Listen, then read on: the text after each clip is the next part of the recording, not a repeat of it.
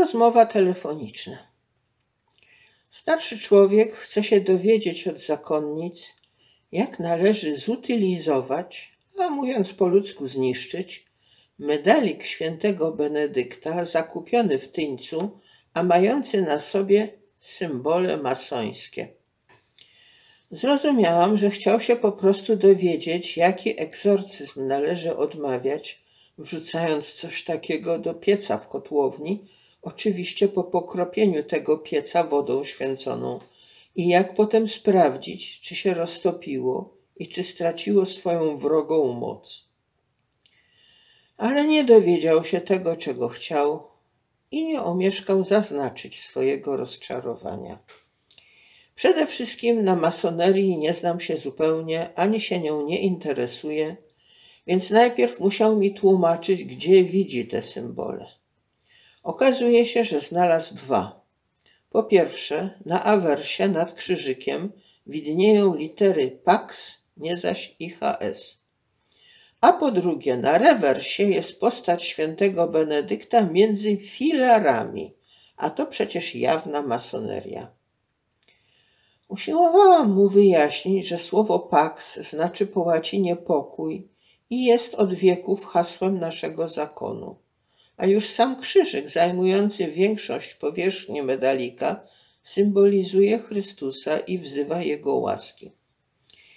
Mój rozmówca widocznie w łacinie nie był za silny, więc ten temat wolał do, w dalszej dyskusji pominąć, a za to rozwodził się długo nad tymi filarami. I znowu próbowałam mu wyjaśnić, że święty Benedykt jest tam przedstawiony na tle zarysu kościoła albo może portalu. Są boczne kreski na oznaczenie ścian lub może kolumn oraz zarys dwuspadowego dachu i centralnie umieszczonej kopułki lub łuku nadproża, w której mieści się głowa postaci. Medalik jest zresztą znany w kilku wersjach artystycznych i ten kościół jest nie zawsze równie wyraźny. Czasem zarys kopułki zlewa się z łukiem wpisanym w margines rysunku, co można sprawdzić nawet w Google. Pytałam, czy gdziekolwiek się znajdą dwie równoległe kreski, tam już na pewno masoneria działa. On jednak upierał się w kółko, że to masońskie filary i jak to zniszczyć, żeby diabeł przez to nie wlazł do domu. Zakonnice przecież powinny wiedzieć. Rozpacz. I już nawet nie chodzi mi o to, że ten wizerunek ma za sobą liczne wzory średniowiecznych miniatur, których jakoś dotąd o masoństwo nie podejrzewano, ani że dopatrywanie się wszędzie satanistycznej symboliki prowadzi prędzej do obsesji i fascynacji niż do wolności dzieci bożych, ani że w praktyce to jest właściwie próba działania czarami przeciw czarom. Ale chodzi mi o to, że taki paniczny lęk przed ukrytym wszędzie złem na które w dodatku nie ma rady, chyba że się zna jakieś stosowne zaklęcia, przed złem, które bez naszego przyzwolenia wygrywa z nami. Świadczy, że taki człowiek o wiele lęk, silniej lęka się diabła niż ufa Bogu. I to jest właśnie tragiczne, bo kto właściwie rządzi światem? Jeżeli Bóg, to mamy przecież Jego naukę, że nikt i nic nam na trwale nie może zaszkodzić, oprócz naszych własnych złych decyzji. Nikt i nic nie może nas wyrwać z ręki Boga wbrew naszej woli. Chrystus, kiedy go oskarżano, że szatańską mocą wyrzuca szatana, odpowiedział przypowieścią o zbrojnym mocarzu, którego pokonać i ograbić może tylko ktoś jeszcze mocniejszy. I tak właśnie on sam góruje mocą nad przeciwnikiem. Okazuje się jednak, że nawet on, Stwórca i Zbawiciel, nie może liczyć na ludzkie zaufanie, jeśli człowiek wpadnie w obsesyjny strach przed szatanem i jego niedostrzegalnym, a wszechpotężnym działaniem. Rzekomo wygrywa ono nawet z działaniem Bożym, bo mu się skutecznie przeciwstawia.